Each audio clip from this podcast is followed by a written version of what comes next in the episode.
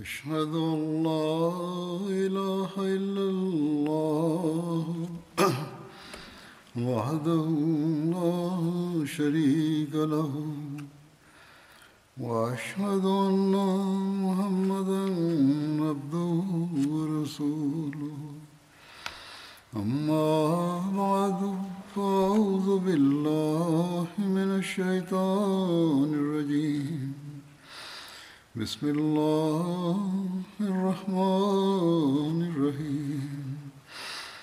الحمد لله رب العالمين. الرحمن الرحيم. مالك يوم الدين.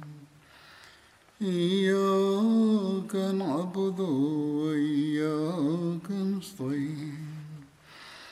اهدنا الصراط المستقيم. صراط الذين أنعمت عليهم غير المغضوب عليهم ولا الضالين. Bismillahirrahmanirrahim. Hazreti Halifatul Mesih peti da Allah bude njegov pomagač je rekao da će da nastavi da govori o životu Hazreti Ebu Bekra radijalahu anhu. Kaže, spominjao je u vezi suraka kada je e, išao da, taj suraka išao da traga za poslanikom i Hazreti Ebu Bekrom radijalahu anhu. I onda kada je vidio da taj njegov, e, to njegovo gonjenje njih ne ide najbolje, onda uh, Eh, je tražio od poslanika sallallahu alejhi ve sellem da mu obeća kada poslanik bude kao vladar da će mu dati zaštitu.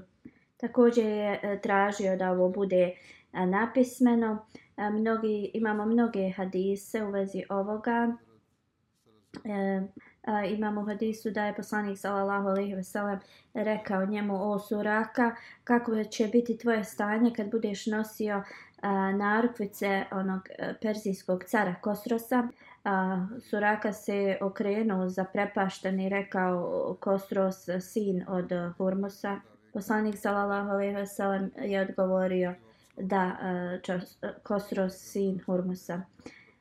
U vrijeme Hazreti Omara radijallahu anhu hilafeta kada je dobio taj ratni plijen i kada je vidio e, te e, narukvice od tog perzijskog cara, pozvao je sa e, Suraku i rekao mu pruži svoje ruke i stavio mu je te narukvice od tog cara na ruke i rekao sva hvala pripada uzvišenom Allahu koji je oduzeo ove narukvice od Kosrosa sina Hurmusa i podario ih tebi.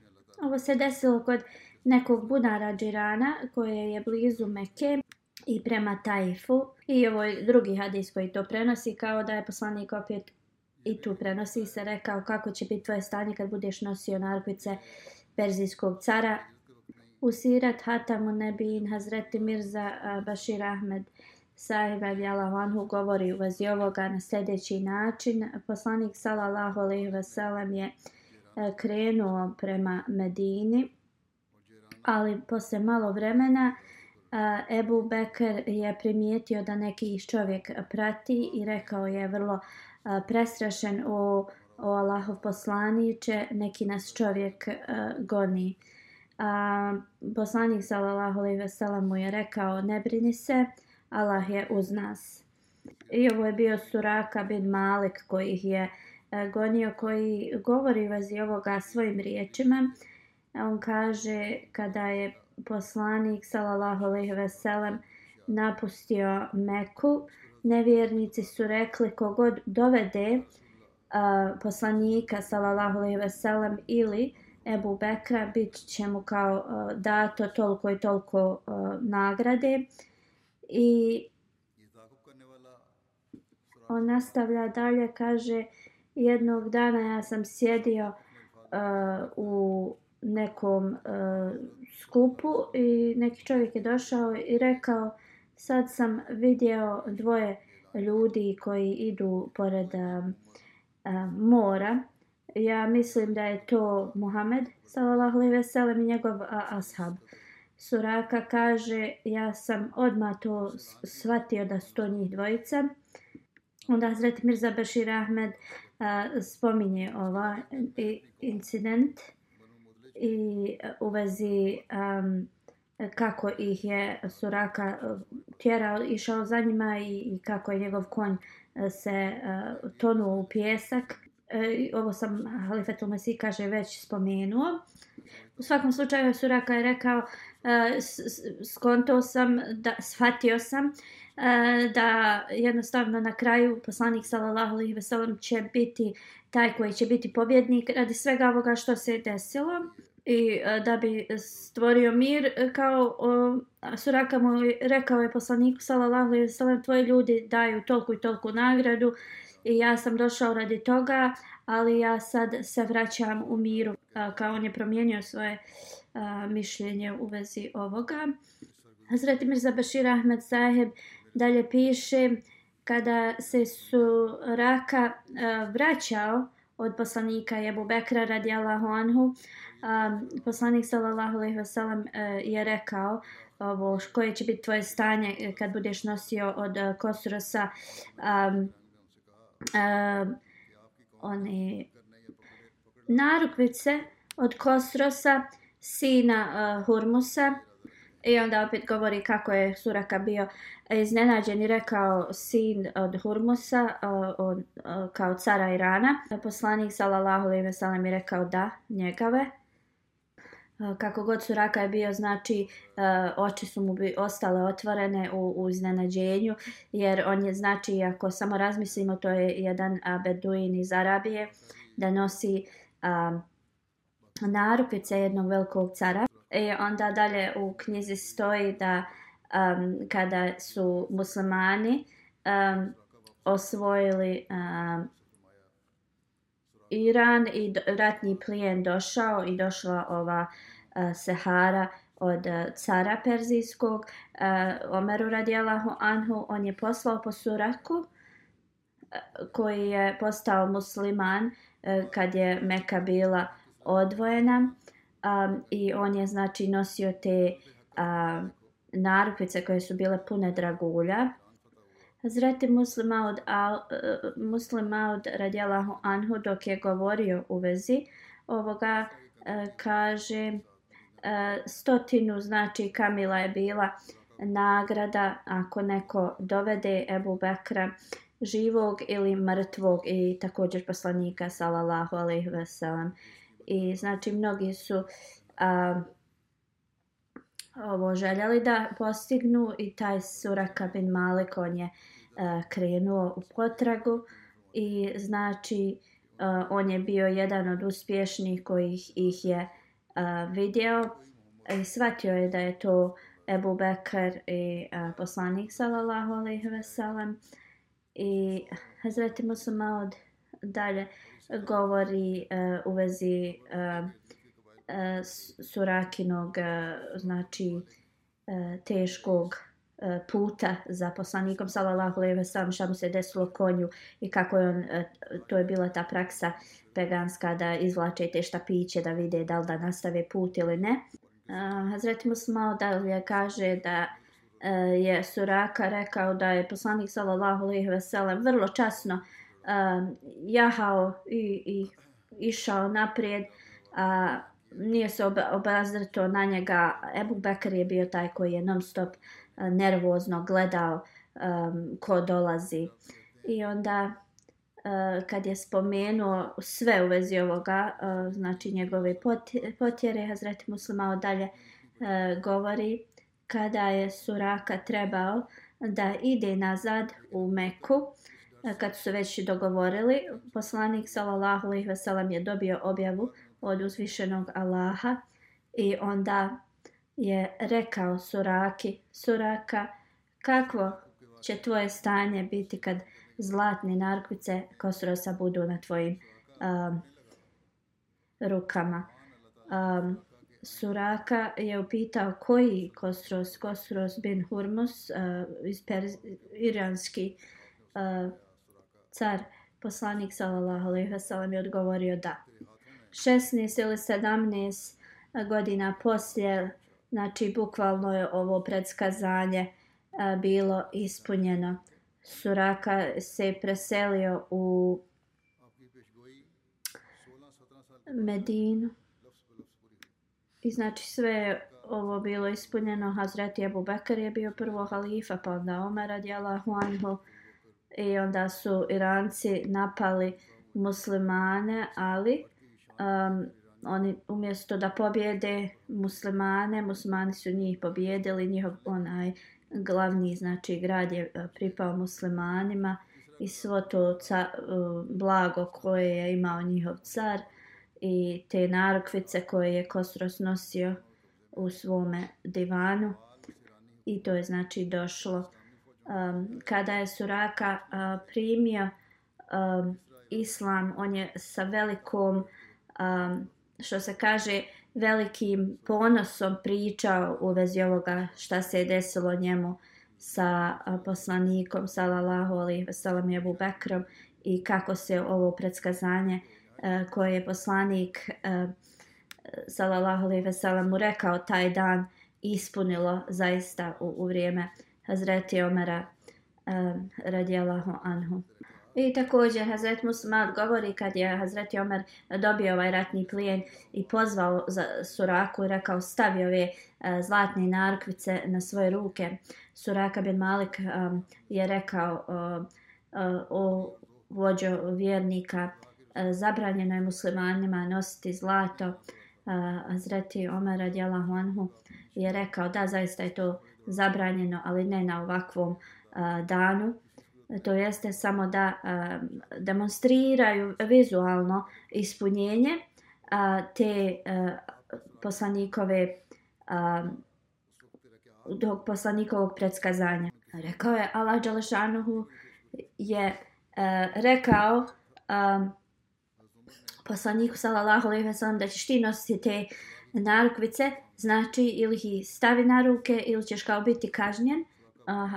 Hazret Suraka, on je to samo spomenuo radi šarijeta i, i zakona, naravna stvar da je bio uzbuđen da ispuni, znači bukvalno da, da, da svi vizualno vide ispunjenje tog predskazanja. I onda je Suraka stavio te narkovice i jednostavno svi musmani su bili svjedoci ispunjenja toga predskazanja. E, također se e, spominje da kada se Suraka vraćao od Ebu Bekra i poslanika sallallahu alejhi ve sellem kad ih je gonio, e, da je kao sreo je neki konvoj, pitali su Suraku u vezi bilo kakvih informacija u, u vezi poslanika sallallahu alejhi ve sellem. Um, ne samo da su Raka im ništa nije rekao u vezi poslanika Ebu Bekra, ali na način na koji je on govorio, ovi su jednostavno odustali od progona.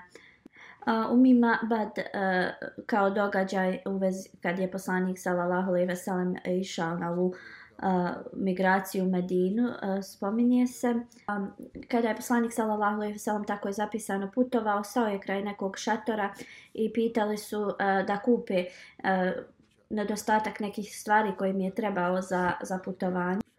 Umi Mabad uh, je ovo bio šator, a zvala se, pravo se zvala Atika bin uh, Malik. Ona je pripadala Huza uh, plemenu iz Benu Kab. Bila je sestra od Hazreti Hubeiš bin Halida, koji je bio uh, um, ashab poslanikov sallallahu alejhi ve sellem koji je također prenio neke hadise Umi Mabad e, je bio Abu Mabad u stvari muž joj se zvao tako. I također se kaže da je on prenio neke hadise od poslanika sallallahu alejhi ve sellem preminuo je u e, dok je još poslanik sallallahu alejhi ve sellem bio živ. Njen šator znači šator Umi Mabad je um, bio uh, u nekom selu uh, blizu Mekke i Menat, uh, znači idol uh, vrlo poznat, je bio uh, u tom selu i ljudi iz Medine bi obožavali tog idola. Umi Mabad je bila vrlo jaka i e, bila je vrlo hrabra žena i sjedila bi kraj svog šatora i hranila bi one koji bi prolazili pored njenog šatera.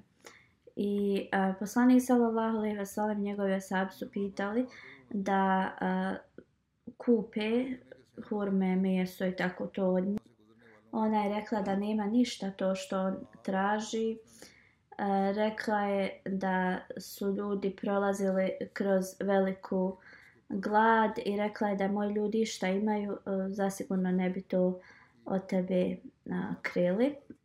Časni poslanik sallallahu alejhi ve sellem je vidio neku a, kozu i pitao je a, šta je sa tom kozom. Umima Bed je rekla ona je toliko slaba da jednostavno a, nije, ne može da ide da, da pase a, sa ostatkom a, koza. Poslanik sallallahu alejhi ve sellem je pitao da li ima mlijeka. Ona kaže um, ona je toliko slaba da ne daje ni mlijeko. Poslanik sallallahu alejhi ve sellem je rekao da li e, mi dozvoljavaš da je ja pomuzem. Ona kaže ako misliš da će i, malo mlijeka dati slobodno. I tako časni poslanik sallallahu alejhi ve sellem je e, pomilovao tu i e, molio se u Allahovo ime da je Allah blagoslovi. Tad je ta koza ustala ispred poslanika i a, počela je da kao proizvodi mlijeko. Poslanik sallallahu alejhi ve sellem je pitao za neku posudu i onda su namuzili toliko e, da je ta zdjela bila a, prepuna da je poslanik sallallahu alejhi ve sellem dao mlijeko da se napije u Mimabad pa od njegovi ashabi. I kada su svi se napili koliko su mogli onda je i poslanik sallallahu alejhi ve sellem uh, također se napio tog mlijeka i rekao onaj koji uh, služi druge treba da zadnji sebi uzme uh, zna, znači uh, da, da jede ili pije. Onda je poslanik sallallahu alejhi ve sellem pomuzao još jednom tu kozu i ostavio je to mlijeko sa Umi Mabad, a kupio je tu kozu od nje i krenuli su. Zapisano je da je sa jedne strane poslanik sallallahu alejhi ve sellem praćen Allahovim melecima na tom njegovom putu u Medinu, dok s druge a, Mekanlije nisu napustili tu ideju da, da ga ne progoni i ne, ne, tra, ne tragaju za njim. I onda ovi također uh, koji su tragali za poslanikom sallallahu alejhi ve sellem došli su i oni kod Umi Mabed i ona je shvatila šta se dešava i ona kaže uh, vi govorite o, o nekim stvarima kojima ja nikad nisam čula i niti uh, shvatam šta vi želite.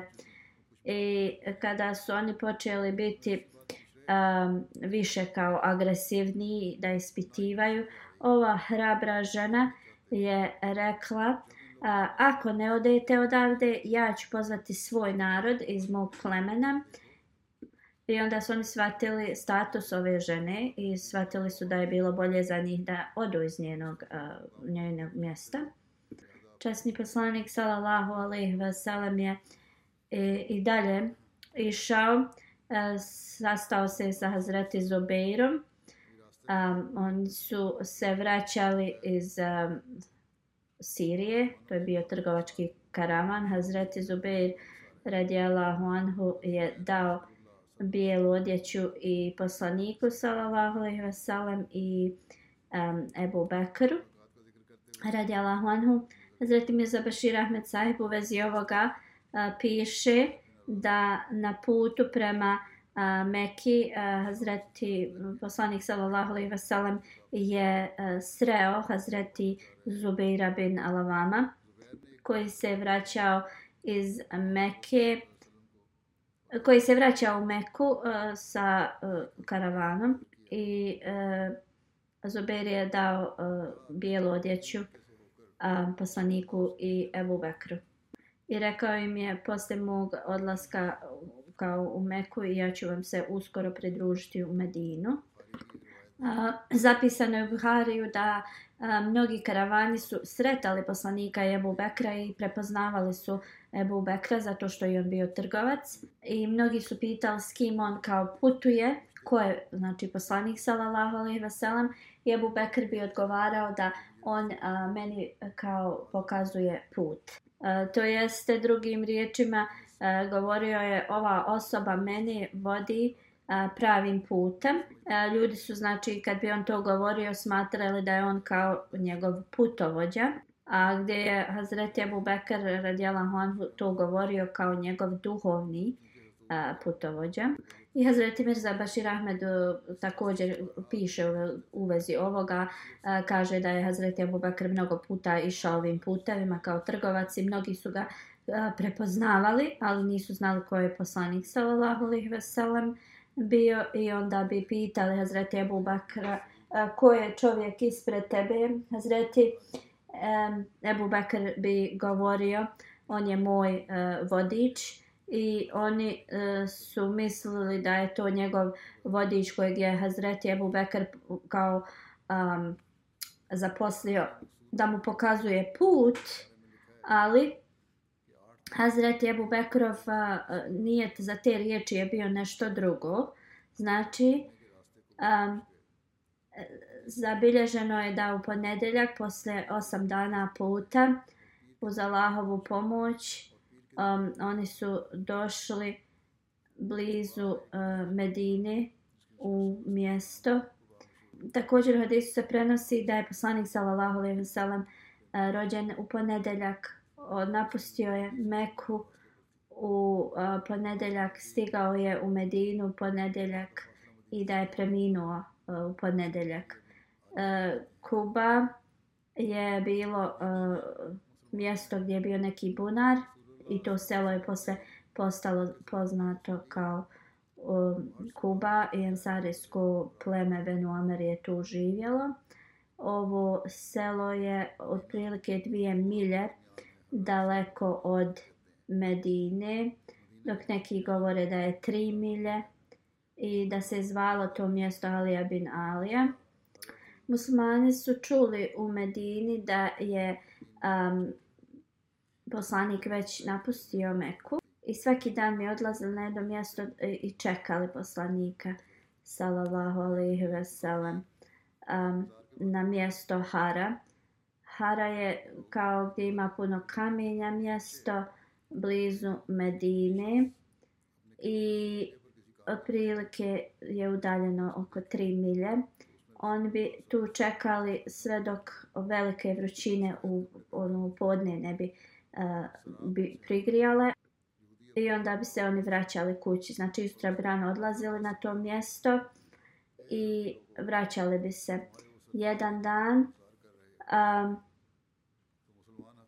kad se ljudi e, e, dugo su čekali tamo su se vratili u Medinu, neki jevrej se je popeo na njihovoj tvrđavu i vidio da dolazi poslanik Ebu Bekara Djela Honhu i, i drugi ashabi, kao uh, bili su u bijeloj odjeći. I taj jevrej jednostavno je bio i on kao ono iznenađen i rekao je e, glasno o Arapi dolazi vaš uh, taj vođa kojeg ste čekali. Onda su musmani požurili i sreli se s poslanikom o, kod Harre tog mjesta i onda je poslanik sallallahu alejhi ve sellem uh, krenuo desno sa svojim uh, uh, ashabima i stigao je kao u selo uh, Benu Aref. Ovo se desilo pod nedeljak u mjesecu Rabi Levelu. Hazreti Abu Bakr radijallahu anhu je ustao ispred ljudi dok je poslanik sallallahu alejhi ve sellem uh, tiho sjedio. Ensarije koje nisu uh, znali uh, ko je poslanik, ni, koji nisu vidjeli poslanika prije su došli i salamili se sa Ebu Bekrom radijallahu anhu. Kada je sunce počelo da uh, sjaji uh, iznad poslanika sallallahu alejhi ve sellem kad je progrijalo, on je um, ustao je Ebu Bekr radijalahu anhu i svojim ogrtačom uh, zaklanjao poslanika sallallahu alaihi ve. Onda su ljudi shvatili ko je poslanik sallallahu alaihi ve bio. Benu Amar bin Auf, um, to selo, poslanik sallallahu alaihi ve je proveo deset noći tu. E, prema nekom hadisu Buhariju da je proveo 14 noći i da je tu stavio kamen tema, temeljac e, za džamiju i rekao ovdje e, je ovaj kamen temeljac e, stavljen e, sa bogobojažnošću Allahu. I poslanik sallallahu alejhi ve sellem se molio unutar. A prema ovome hadisu Buhari poslanik sallallahu alejhi ve sellem je a, proveo a, više od 10 noći u Kubi. A dok e, prema drugom da je bilo 4 dana, to jeste da je bio tu e, u ponedjeljak, utorak, srijedu i četvrtak i da je e, a, u petak otišao u Medinu. Prema drugom um, hadisu se prenosi da je poslanik sproveo 22 noći u Kubi i također mu se malo govori kako su oni putovali izvan Medine, čekali poslanika sallallahu alejhi i sellem, najveće su se razočarani vraćali u Medinu. Kad je poslanik sallallahu alejhi ve sellem stigao blizu Medine, odlučio je da malo se zaustavi u Kubi, e, koje je blizu selo. I onda jevrej je vidio njihove kamile i shvatio da je to karavan. Um, poslanika sallallahu alejhi ve sellem i onda se popeo na neku uzvišicu i rekao o potomstvu od Kerala. Kela. E, to je bila jedna kao pa potomstvo jedne mm, nene u Medini. I on je rekao onaj kojeg vi čekate je došao. Svi iz Medine kad su čuli krenuli su prema uh, Kubi. Ljudi u Kubi su bili tako sretni da je poslanik sallallahu alejhi ve sellem došao. Um, jednostavnost poslanika sallallahu alejhi ve sellem Hazret Muslim kaže može biti vid, vid, možemo je vidjeti u ovome uh, pri, uh, kao primjeru. E, ljudi u Medini nisu znali ko je poslanik sallallahu alejhi ve sellem i poslanik sallallahu alejhi ve sellem je e, sjedio pod jednim drvetom u, u, u, Kubi. Pošto je poslanik sjedio na tako jednostavan način, mnogi su um, smatrali da je Ebu Bekr radijalahu anhu poslanik. Kad je Hazreti Ebu Bekr radijalahu anhu uh,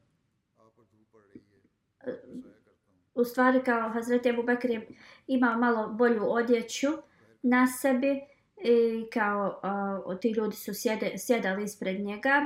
Kad je Hazreti Ebu Bekr ovo shvatio šta se dešava i vidio da su ljudi uh, pogrešno uh, shvatili, on je brzo ustao, uzeo svoj ogrtač i, i stavio um, kraj poslanika sallallahu alejhi ve sellem rekao Allahu poslanice kao uh, e, želim da uh, te zaštitim od sunca. I onda na ovako lijep način Hazreti Abu Bakr je pokazao ljudima da su napravili grešku. Hazreti Mirza Bashir Ahmed Zaj u vezi, um, dok je govorio u vezi ovoga, on spominje hadis iz Buharija, uh, kaže Barabin Azi prenosi da nikada nije vidio sretnije ensarije kod dan kada je poslanik sallallahu alejhi ve sellem stigao u Medinu. Tirmizi ibn Mađa isto prenose od Enesa bin Malika da kada je poslanik sallallahu alejhi ve sellem stigao u Medinu, on kaže mi smo se osjećali kao da je sva Medina bila osjajenja. I, a dan kada je poslanik sallallahu alejhi ve sellem preminuo, grad Medina nikada nije tamniji izgledao.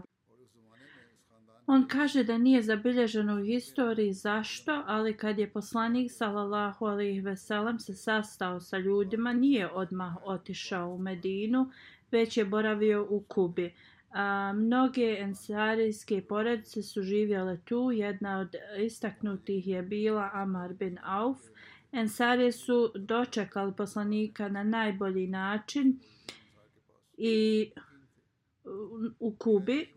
To je um, poslanik sallallahu alejhi ve sellem boravio u kući od Kulsun bin Hidem i mnogi koji su se e, migrirali prije poslanika sallallahu alejhi ve sellem su boravili u njegovoj kući i u kućama drugih e, časnih ensarija i možda je to bio razlog zašto je poslanik sallallahu alejhi ve sellem prvo svratio u Kubu.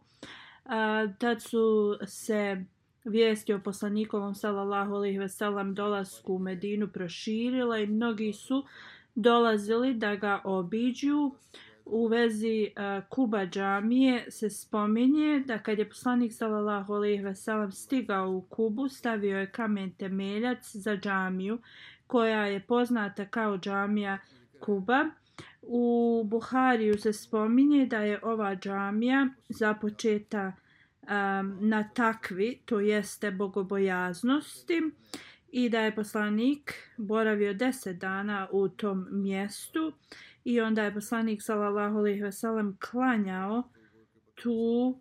A, također se spominje u ovom hadisu da je E, časni poslanik sallallahu alejhi ve sellem, selam e, stavio kamen temeljac e, prema kibli I prvo je to poslanik sallallahu alejhi ve sellem uradio, pa onda Ebu Bekr radijallahu anhu je stavio drugi kamen, pa onda Omer radijallahu anhu. Uh, I onda je konstrukcija za džamiju započeta. Ibn Abbas također prenosi ovo. On kaže da prema njegovom mišljenju su džamije u Medini izgrađene na takvi, to jeste bogobojaznosti, ali džamija koja je spomenuta u Kur'anu je džamija Kuba. A, poslije 10 ili 14 noći časni poslanik sallallahu alejhi ve sellem je otišao u Medinu iz Kube. Na putu je časni poslanik sallallahu alejhi ve sellem stigao u Benu Selim bin Auf, to je bio uh, taj dan je bio petak. Časni poslanik sallallahu alejhi ve sellem je klanjao džumu u džamii uh, u mjestu Ramuna. Oko stotinu ljudi je bilo prisutno. Ta dolina je e, južno od Medini i od tog doba ta džamija se zove Mesčidul Džuma i ovo je bila prva džamija u Medini. Vjerovatno u tom mjestu je džamija poslije izgrađena gdje su oni klanjali prvu uh, hudbu. Uh, Poslije džume časni poslanik sallallahu alejhi ve sellem se popeo na svoju kamelu i krenuo u Medinu. Hazreti Ebu Bekr radijallahu anhu je također jahao na istoj kameli. Mnogi ljudi zbog pohlepe su tragali za poslanikom jer je bila velika nagrada um, izrečena kogod uh, uhvati uh, Hazreti Ebu Bekra radijallahu anhu ili poslanika.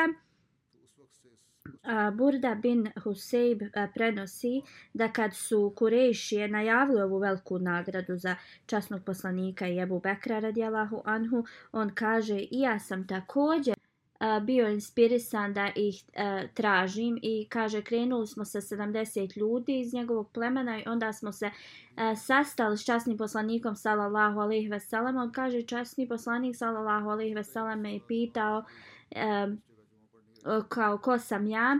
Ja sam rekao Bureida, on je uh, tad časni poslanik sallallahu alejhi ve sellem se okrenuo prema Ebu Bekru i rekao Ebu Bekre, dobili smo uh, podršku i naš problem je nestao. Časni poslanik sallallahu alejhi ve sellem uh, on kaže me je pitao uh, kojem plemenu pripadam, rekao sam Benu Muslim. Časni poslanik sallallahu alejhi ve sellem uh, je rekao mir neka je na njih.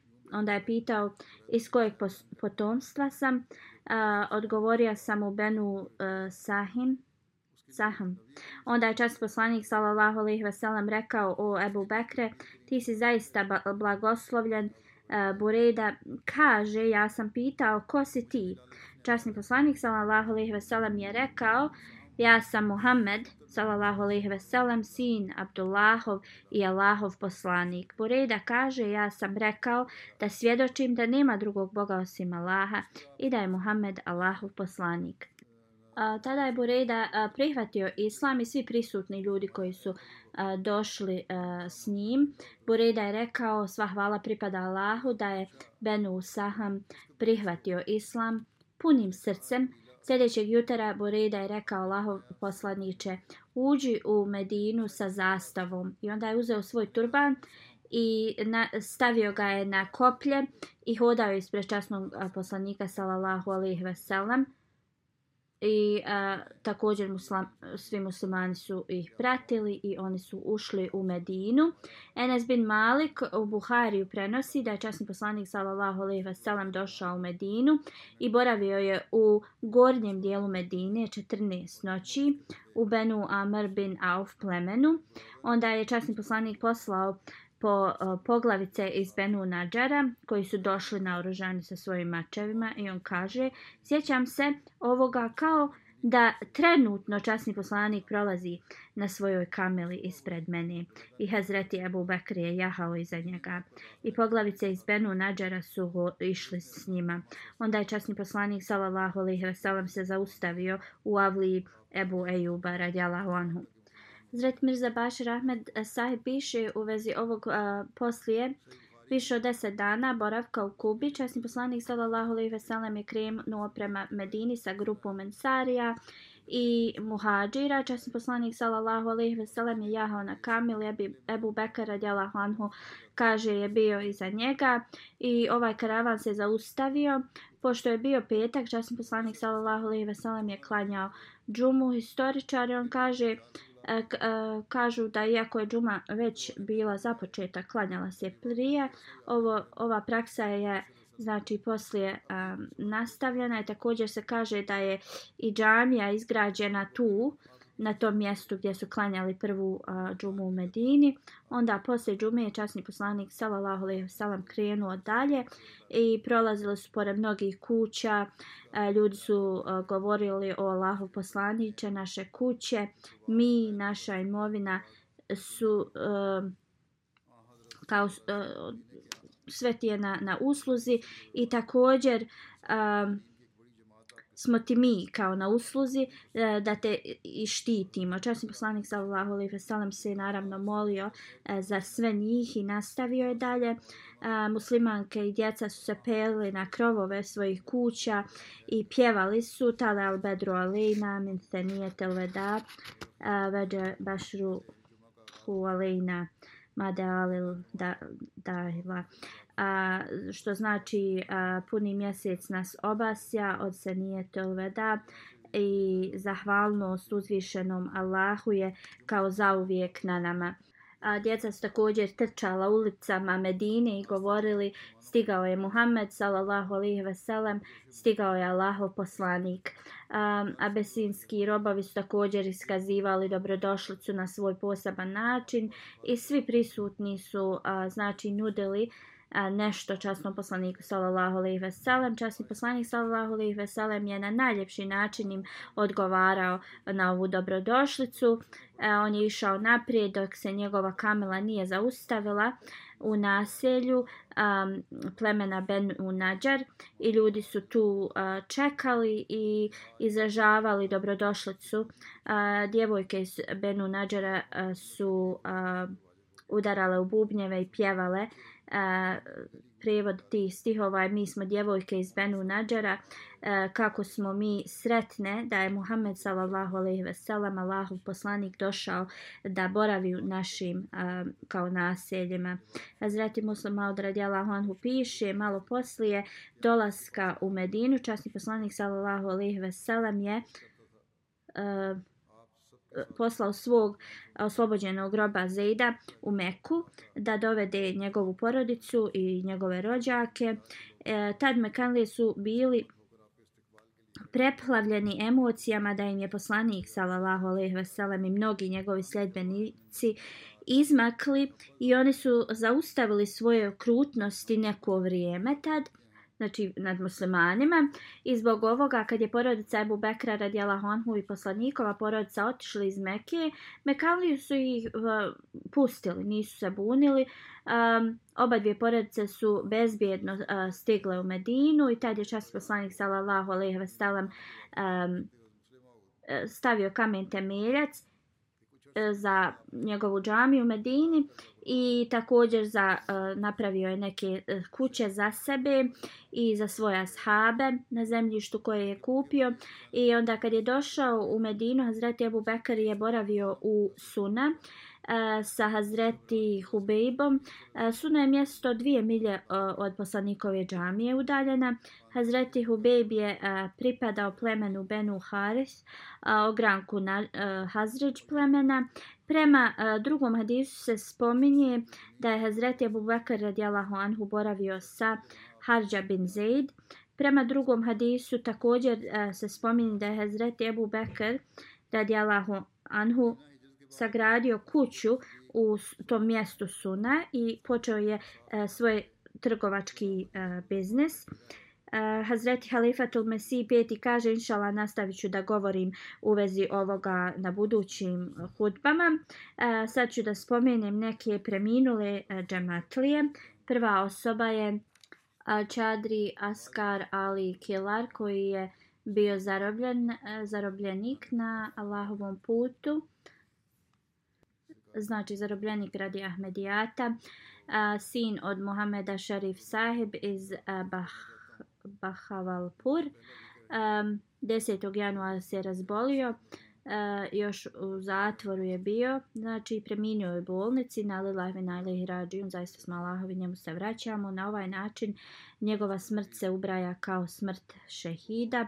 Prema detaljima 9.24.21 godine optužen je prema pakistanskom zakonu za kao bogohuljenje, bože sačuvaj, e, u ovom mjestu Bahavarpur. E, 26. septembra je e, priveden i tu je boravio u zatvoru. 4. januara se je prebačen u bolnicu jer se razbolio, povraćao je krv.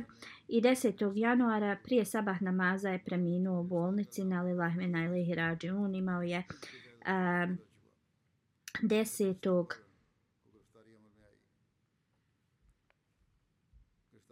U stvari on je imao 70 godina, a 8. januara je e, imao, kao trebao da ima suđenje, e, da se brani sa slobode. Kako god, policija nije donijela neke dokumente, tako da je suđenje bilo e, pomjereno. E, Za 11. januar.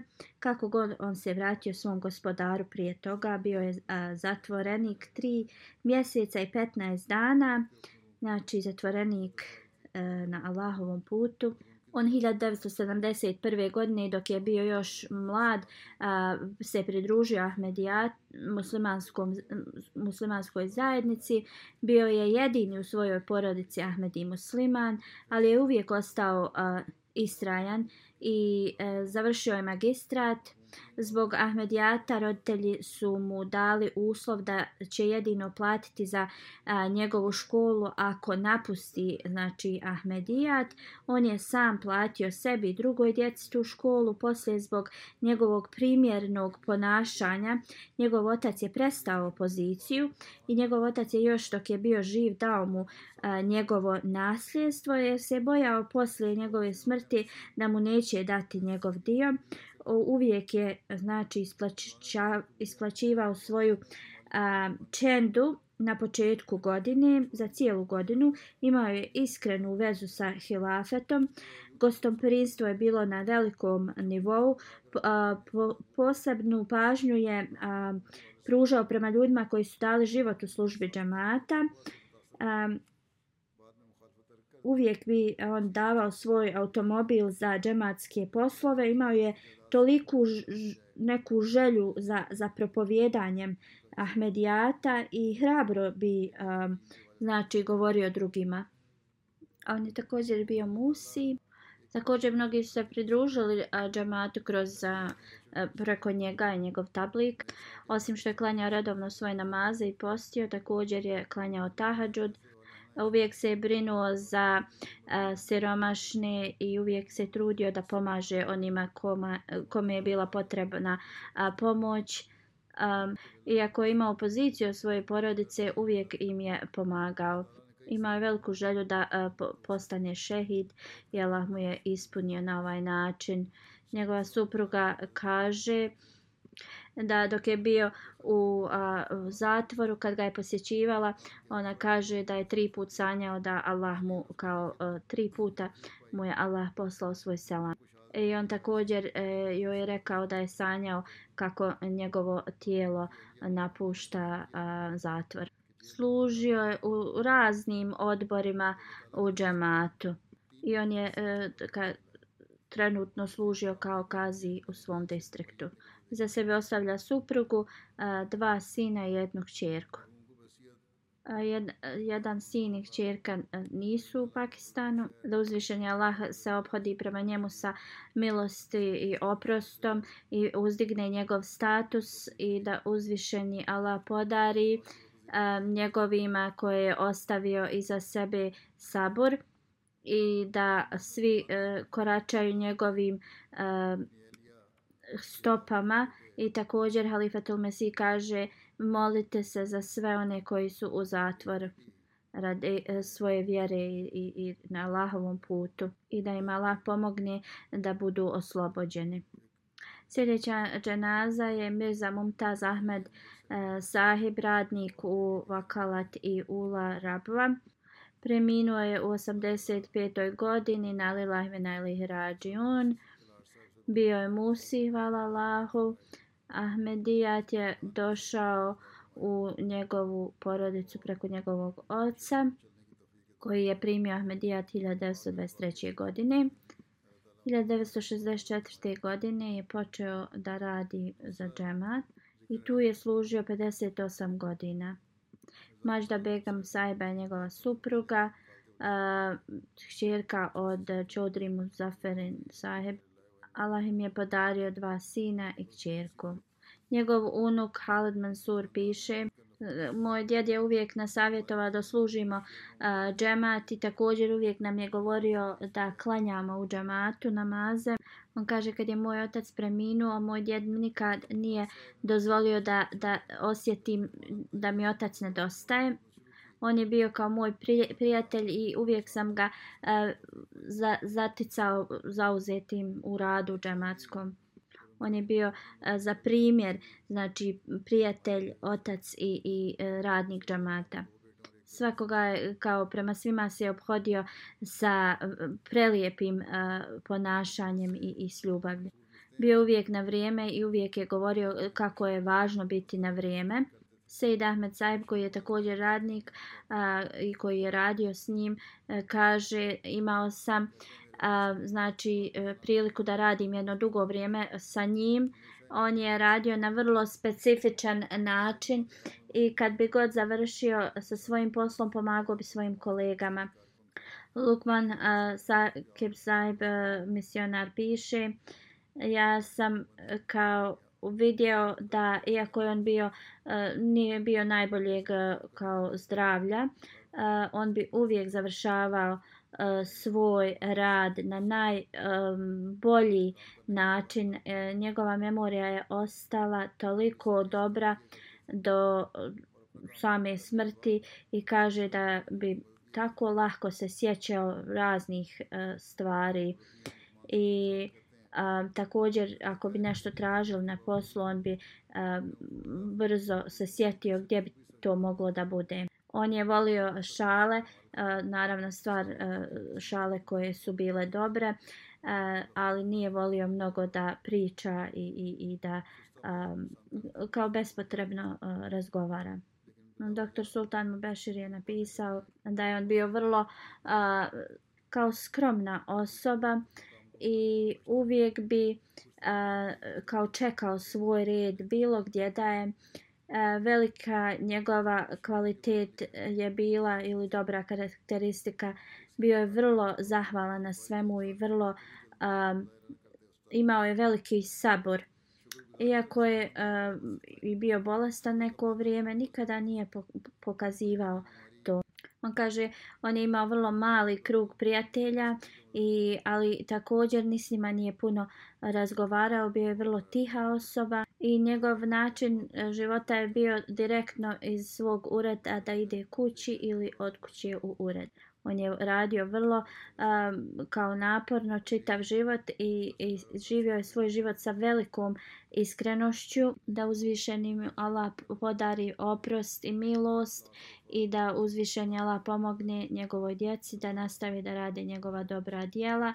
Sljedeća džena, dženaza je od pukovnika doktora Abdul Khalid Zahiba. On je a, bivši administrator bolnice Fazli Umar. A, a, de, preminuo je u 97. godini na Lillahi Najlih Rađiun. Bio je Musi, e, hvala Allahu. Ahmedijat je došao u a, njegovu porodicu preko njegovog o, oca.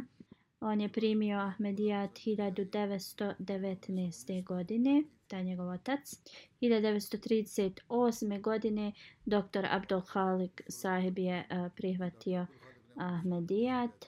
U vezi svog prelaska na Ahmedijat kaže uh, da je njegov otac uh, kao imao pretplatu Al-Fazal novina i on kaže tu sam učio Ahmedijatu. I onda 1938. kaže nas trojica uh, ili troje braći stara, ne spominje koje, a primili smo Ahmedija također. I on kaže također naša majka je bila redovna u klanjanju i postu i ona je malo posle nas a, prihvatila Ahmedija. 1939. kaže otišao sam u Kadija na Dželsu i poslije toga sam često išao na Dželsu. Ona kaže, također kaže njegova supruga je 1987. Um, preminula Imali su dva sina i dvije čerke. Abdulvari, doktor Abdulvari je jedan njegov sin eh, koji je um, Amir Džamata u Islamabadu. 1974. godine kad je vlada Buto uh, eh, kao proglasila da su Ahmedi nemuslimani, a tada je doktor Abdul Halek napustio uh, svoju uh, poziciju u, u vladi i uh, onda je počeo ili je imao neku državnu dužnost i onda je počeo da radi uh, pod uh, Nusređan uh, uh, tom uh, fondacijom. 1977. godine je uh, poslan u Sierra Leone i tu je služio tri godine.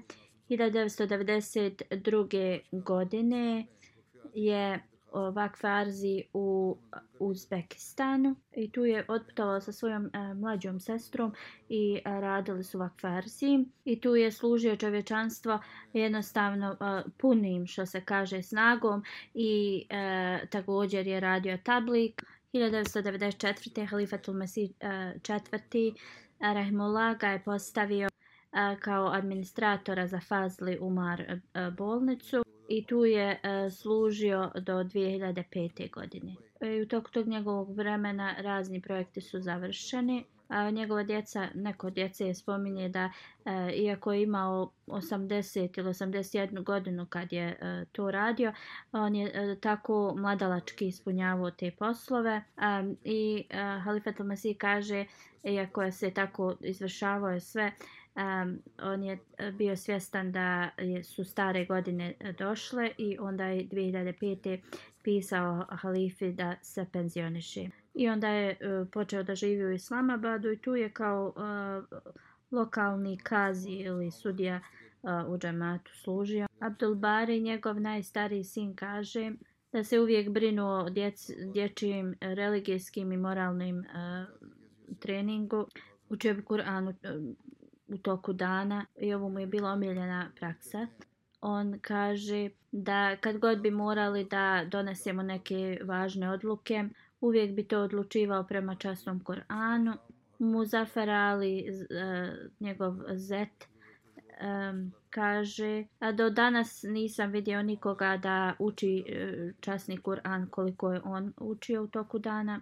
Zaista je volio Kur'an i E, kada je jednom bio otpustan iz bolnice, e, tu prisutni u bolnici koji su radnici bili su tužni, rekli su ko će im učiti Kur'an u toku dana. On, njegov kao ustajanje na tahadžu, da li to bila zimski ili ljetni period, je jedan veliki primjer. Imao je veliku ljubav za hilafet i džemat, živio je vrlo jednostavan život i nikada se nije a, žalio. Njegov brat kaže da je E, sve da bi postikao zadovoljstvo Allahovo kroz sve je e, prolazio lahko. On kaže mnogo puta sam boravio u njegovoj kući u Rabi i on kaže da njegova e, njegovo ponašanje je bilo jednostavno da da jednostavno možemo da prepoznamo um, ljepotu vjere a, njegov kao tahadžud je bio za primjer, a, njegov primjer ljubavi prema hilafetu i džamatu je bio za primjer i on je bio jednostavno eks, odličan a, izvor za naš moralni trening. Jedan doktor iz Fazlumar e, bolnice kaže da on bio vrlo a, nježan prema mladim doktorima u bolnici i uvijek bi uh, savjetovao starije doktore da posvete pažnju e, na trening uh, mladih doktora. Uvijek se brinuo za uh, siromašne uh, i, i to o svom trošku. Doktor Ešef Muhammed kaže da je bio vrlo uh, nježna osoba i, i, i iskrena i, i pažljiva. I on kaže da on uopšte nije imao... Uh, naviku da mnogo govori i također se brinuo o administrativnim poslovima na najbolji način. I uvijek bi savjetovao druge doktore da rade vakfarzi u Fazli Umar e, bolnici.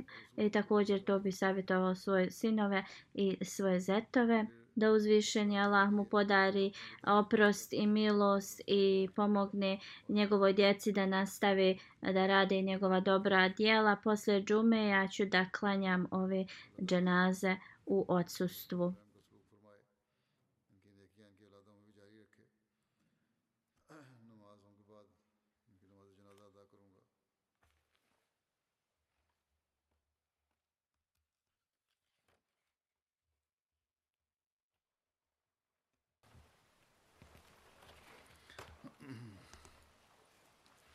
الحمد لله الحمد لله نحمده ونستعينه ونستغفره ونؤمن به ونتوكل عليه.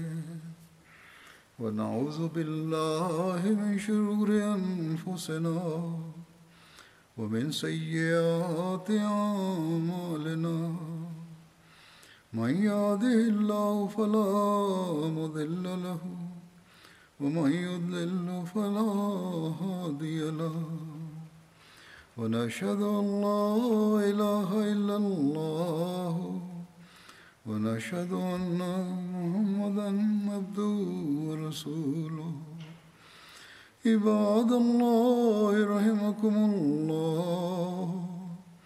إن الله يأمر بالعدل واللسان وإيتاء ذي القربى وينهى عن الفحشاء والمنكر والبغي يعظكم لعلكم تذكرون. اذكروا الله يذكركم وادعوه يستجب لكم ولذكر الله